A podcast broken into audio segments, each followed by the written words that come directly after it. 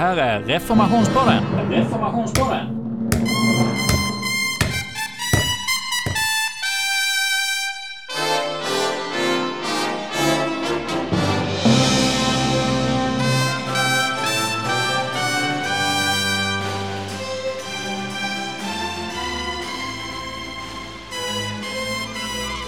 Ja, nu är det dags för ett nytt avsnitt av vår programserie Reformationspodden, vårt sjätte program av åtta avsnitt säger vi nu välkommen till och det är Thomas Appelqvist, vår programledare, som även idag intervjuar och samtalar med olika gäster. Och temat för dagens program är kyrkan. Frågan om kyrkan är eh, temat för det här avsnittet. Eh, vi kommer också att få perspektiv från andra länder och det är ju två saker som hänger ganska nära samman. Att eh, den lutherska kyrkan finns ju över hela världen.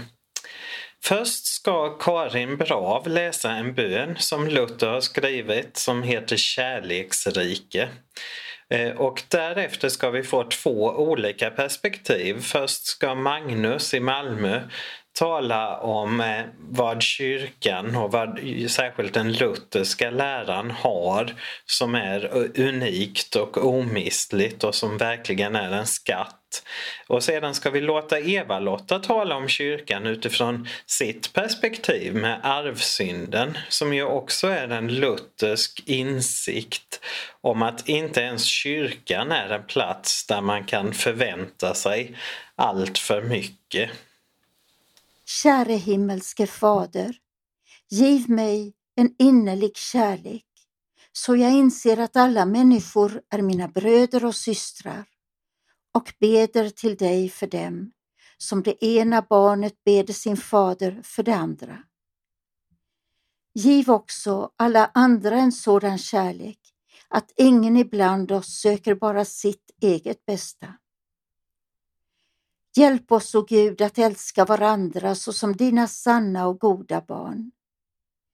Då skall vi inte endast var för sig kalla dig Fader, utan med och för varandra anropa dig som vår Fader i himmelen.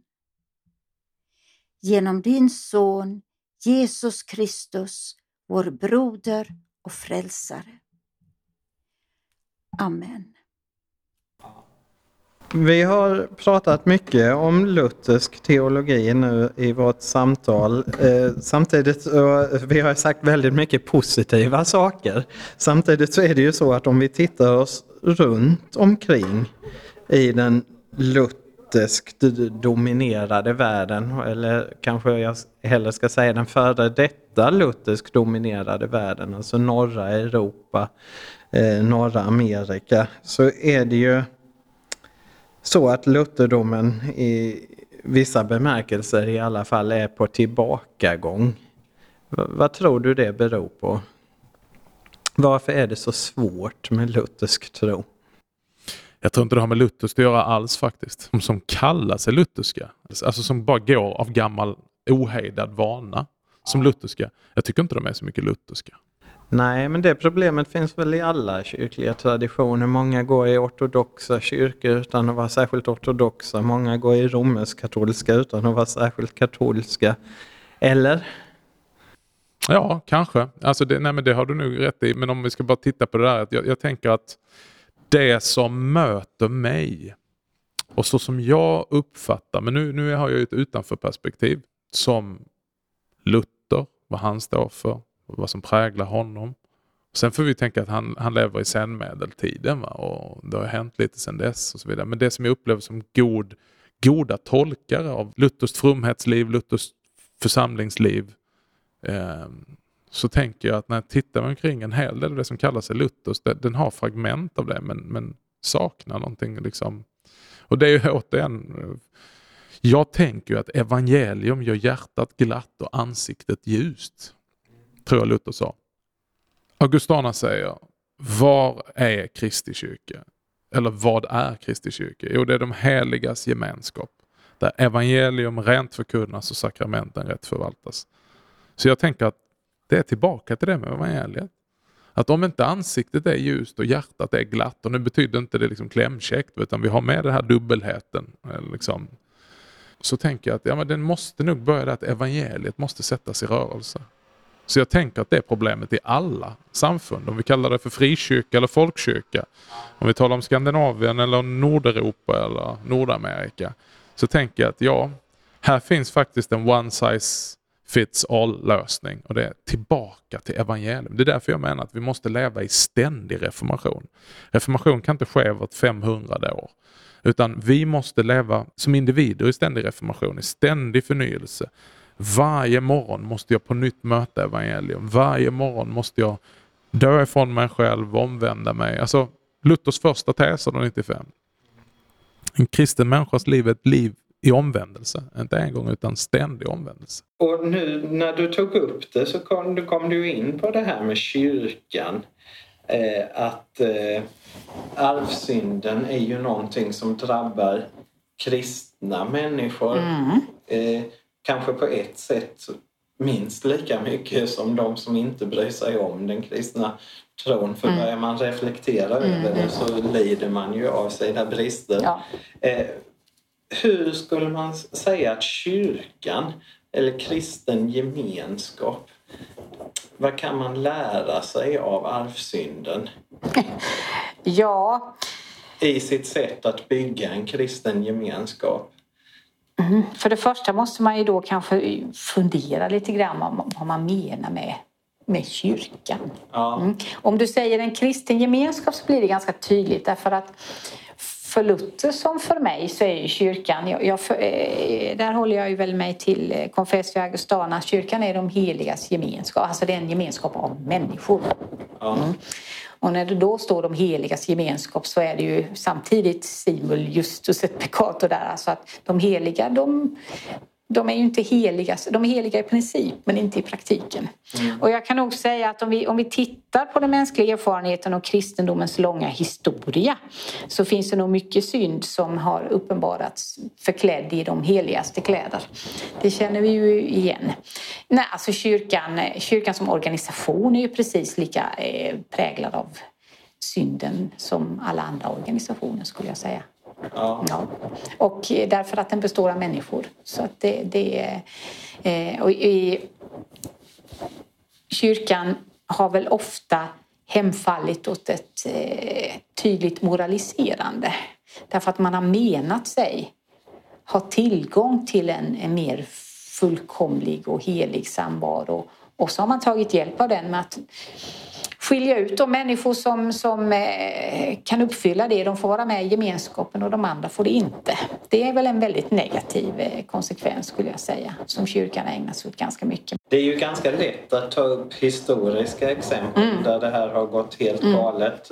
Det är lite svårare att ge en bra nutida bild men det låter på det som att i princip så har väl kyrkan det här problemet idag också. Ja, ständigt och jämt. Ja. Jag lever och verkar själv i den här organisationen, Svenska kyrkan, och då- det ser vi ju exempel på hela tiden.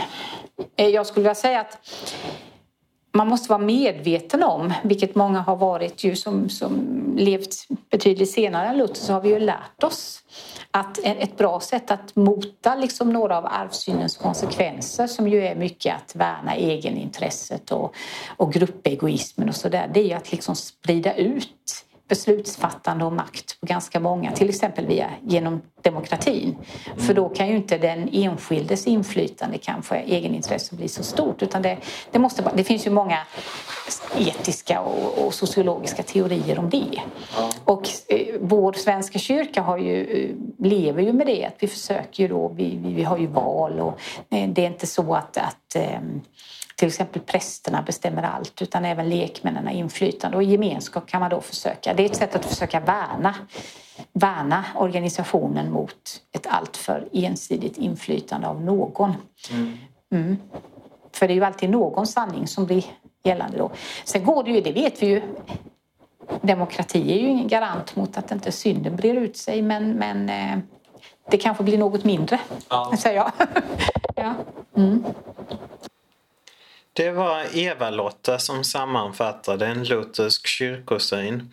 Eh, och jag tänker särskilt på det här uttrycket som hon använde att människorna i en luthersk kyrka de är heliga i princip men inte heliga i praktiken. Heliga i princip men inte i praktiken. Eh, det stämmer väldigt väl med vad Luther sa och eh, kan nog också hjälpa till att eh, hjälpa människor att få en mer realistisk syn på vad kyrkan är. Nu ska vi gå vidare till Finland och låta Leif Eriksson berätta lite om finska omständigheter i den lutherska kyrkan det har nog rönt ett intresse det här och, och något över nyhetströskeln också. Dagstidningar har, har skrivit om det och det, det är ganska blandat kan man säga. En del vill då betona då det här förändringen som Luther genomförde eller vill genomföra och att då är tanken det att hur kan vi nu förändra och reformera underförstått modernisera och lämna en del av det här gamla också, det som han då stod för och, och liksom engagera oss kanske mera i samhället, kyrkan bör mer engagera sig i samhället och så vidare. Och sen finns det ju också, lyft ju sådana saker fram som hans engagemang i upproret och hans hetska uttalanden mot judarna, det är ju så hetsstoff för, för en del. Men så har vi nog då inom de här mera, ska vi säga konservativa väckelserörelserna försökt betona hur viktigt det är att det här tidlösa budskapet som han lyfter fram, rättfärdiggörelsen genom tron och skriften alena och allt detta. Att det är aktuellt idag också, att, att vi, vi behöver inte, ska inte förändra det. Däremot kan vi ju förändra verksamhetsformer och, och språket, nyöversätta och, och revidera språket i skrifter och sånt det är ju okej. Okay. Men budskapet så är tidlöst och det är detsamma. Det håller idag också. Om vi börjar med den här kyrkliga fromheten så är ju nog eh, Alltså de här väckelserörelserna i Finland är ju, nog, har ju varit starka och eh, finns fortfarande men genomsyrar väl inte lika mycket församlingslivet som på 1800-talet. Eh, har en fyra, fem väckelserörelser som eh, där det här med personliga tro är vikt, någonting viktigt och, och de har lite olika betoningar men det där eh, en del lestadianismen som ju också finns i Sverige betonar mycket det här bebikten och, och det, det, det, levande ordet, den pietistiska väckelsen där, det är det här personliga troslivet som står i fokus, omvändelsen, den sanna tron. Och sen har vi den evangeliska rörelsen som uppstod delvis i protest till de här pietistiska betoningarna som var liksom, man tyckte var tung kristendom på något sätt. Och då betonades det här evangeliet och dess frigörande budskap. Så har vi bedjarrörelsen med Henrik Renqvist som betonar bed, bönen och ett nyktert liv och, och så, så har vi också förstås de här frikyrkorna men det är ju varit direkt hit. Så att de här rörelserna har nog varit starka och när man har gjort undersökningar med jämna mellanrum hur många av de kyrkligt anställda har någon relation till någon av de här så är det, det har varit ganska höga procenter, de har lite sjunkit men, men i alla fall. Så att, att de, de nog har sina organisationer fortfarande och, och det är ju så med missionsarbete här i Finland att kyrkans mission kanaliseras via sju inomkyrkliga väckelserörelser, eller sju organisationer och där är de här alla med utom de lestadianska. Så att det, det, visar också det här, det finns fortfarande och har betytt och betyder mycket för många. Just kyrkosynen är ofta en fråga som de personer som lämnar lutherska kyrkor anför som ett argument mot luthersk tro. Eh, nästa person som vi ska tala med nu är Josefin Holmström som ju ger sitt perspektiv utifrån att hon bor i England. Eh, och i mitt samtal med Josefin så kom jag in på det här ganska vanliga fenomenet att folk eh, konverterar framförallt till den romersk-katolska kyrkan. Eh, och hon talar också om två, eller tre är det väl, helgon eller åtminstone martyrer som eh, offrade sina liv för protestantismen i den engelska traditionen.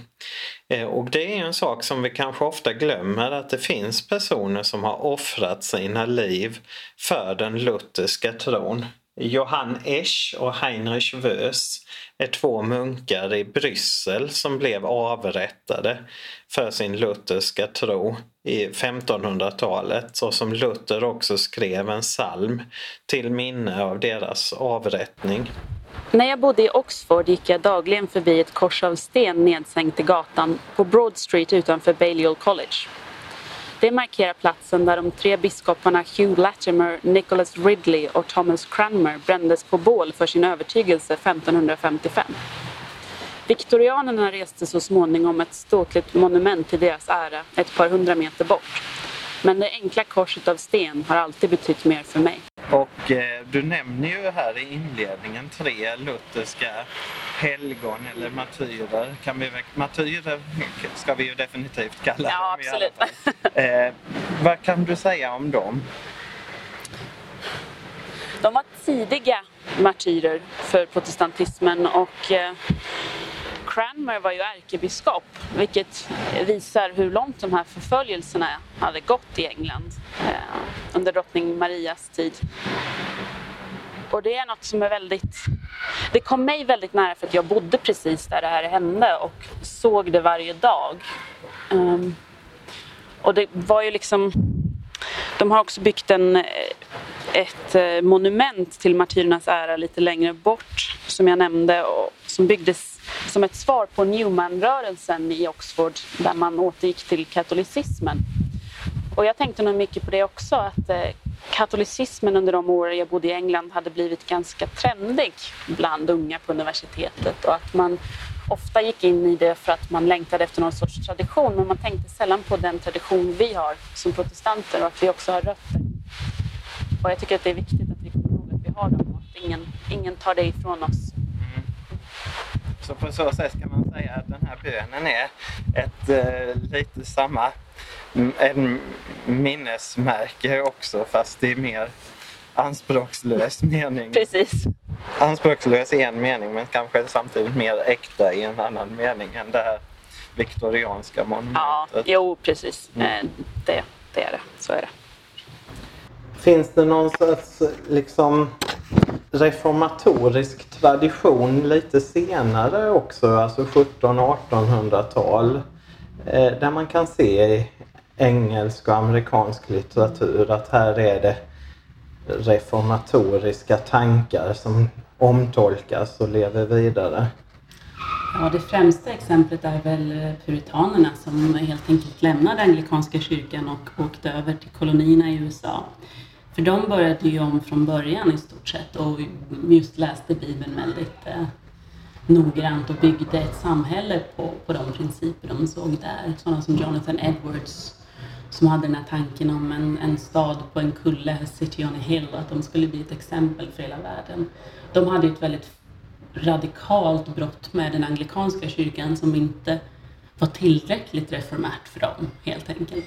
Mm. Och därifrån kommer också presbyterianerna i USA och sådär. Så det är väl där den traditionen egentligen har ja, omhuldats mest. Mm. Och då, vilket, när är vi i tiden nu ungefär? Nu är vi på 1700-talet, sent 1600-tal ja. och så tidigt 1700-tal. Så fortsätter det där. Så det är innan upplysningen ja. har kommit igång på Precis. allvar. Och på ett sätt så kan man väl säga att det är egentligen i det skedet som den anglikanska traditionen verkligen blir klart reformatorisk. Mm. Mm. Är det så i England som det har varit i Sverige att många har konverterat också? Ja, det händer. Det händer och då är det ofta en, eh, det är lite elakt att säga, men jag upplever det som en slags trend nästan. Att, ja. att man anser att det finns mer, det sättet man pratar om det på, att det finns en mer rik tradition i katolska kyrkan. Det är de här kyrkofäderna igen. Att läsa tillsammans med kyrkan och komma bort från vad man anser vara en ganska steril protestantism utan några riktiga djupa rötter. Den kyrka som du har utomlands arbetat mest inom. Den heter ju McKinney Jesuskyrkan. Kan du berätta lite om den kyrkans historia och hur den har utvecklat sig till nutiden? Eh, den startade i och med att EFS 1866 sände ut tre missionärer till det som idag är Eritrea för att komma med evangeliet till Oromofolket, eller Gallafolket som man sa på den tiden. Oromofolket som, som är bosatta i framförallt eh, västra Etiopien och som då var ett hedniskt folk, inte berört av den ortodoxa kyrkan, för att missionera. Men man fick ingen chans att komma dit eh, förrän eh, långt senare. Och den teologi som bar den första gruppen av missionärer var luthersk pietism. Det var en stark förkunnelse om synd och nåd. Det var en stark förkunnelse om eh, försoningen och att den erbjöds som en gåva för våra synder hade sonats och tagits bort genom Jesu död och man fick hel förlåtelse och fick den helige Ande som gåva. Och hur många medlemmar har den just nu? Just nu har den 8,2 miljoner medlemmar och man satsade på en strategisk plan, femårsplan. Femårsplanerna hade man ju lärt sig från Sovjet när man var ja. under kommunistisk regim. Så kyrkorna tog också över femårsplan-tänkandet och de la fram en femårsplan 2013 som nu löper ut nästa år och i den så skulle man vittna för 30 miljoner etiopier under fem år och 10 miljoner skulle bli personligt kristna. Ja. Och tills vidare har 2,5 miljoner blivit personligt kristna och blivit medlemmar. Mm.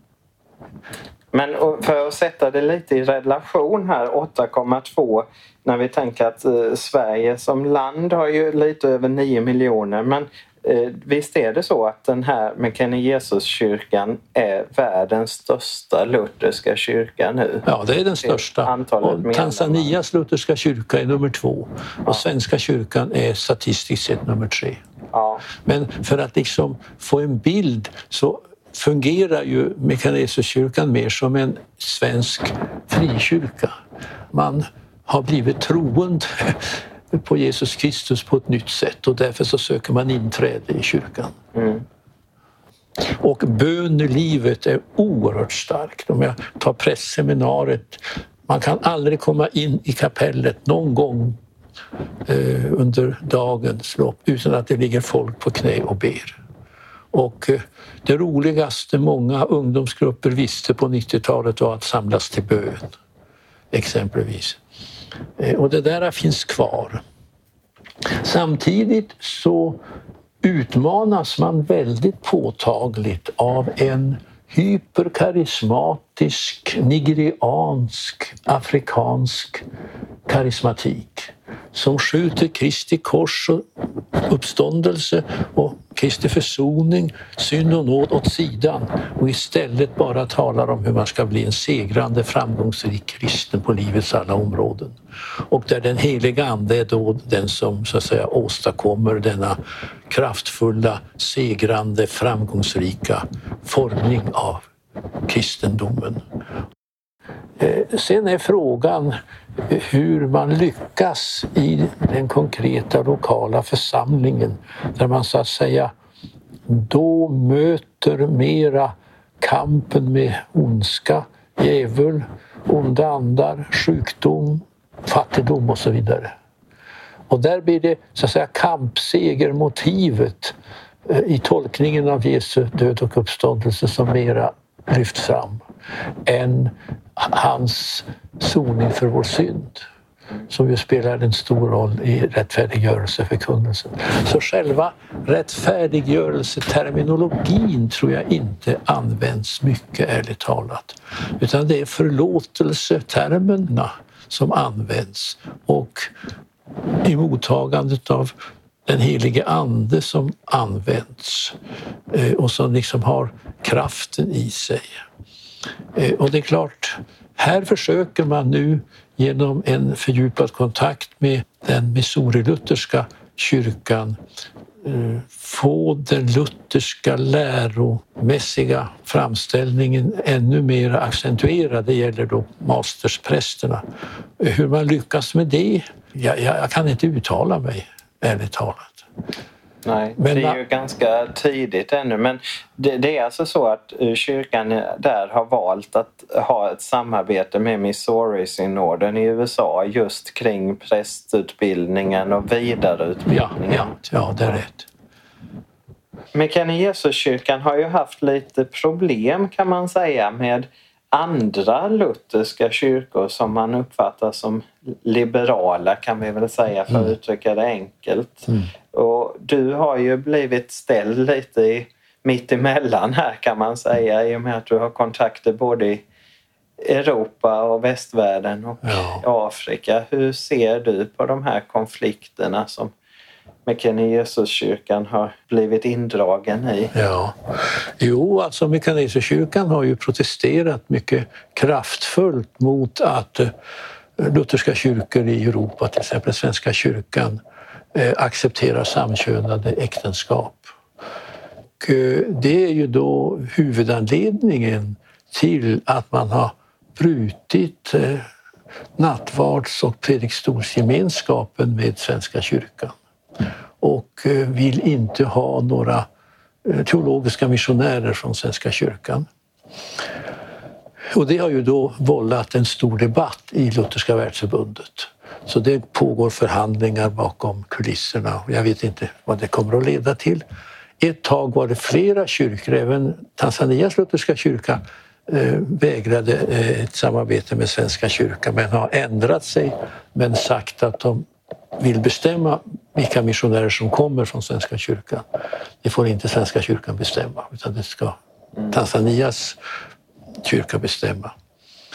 Man har också brutit kontakterna med Elka Evangelical Lutheran Church i USA eh, av samma skäl. Eh, man förväntas bryta kontakterna med den presbyterianska kyrkan i USA av samma skäl, men det har man inte gjort. Eh, så där står det och väger. Det här var Agne Nordlander slutligen. Eh, jag ville ha med honom i det här programmet eftersom han ger positiva infallsvinklar på att den lutherska kyrkan alltjämt är en växande kyrka. Både i styrka och i antal medlemmar och det är ju framförallt den här etiopiska Mekene Jesus-kyrkan ett eh, utmärkt exempel på.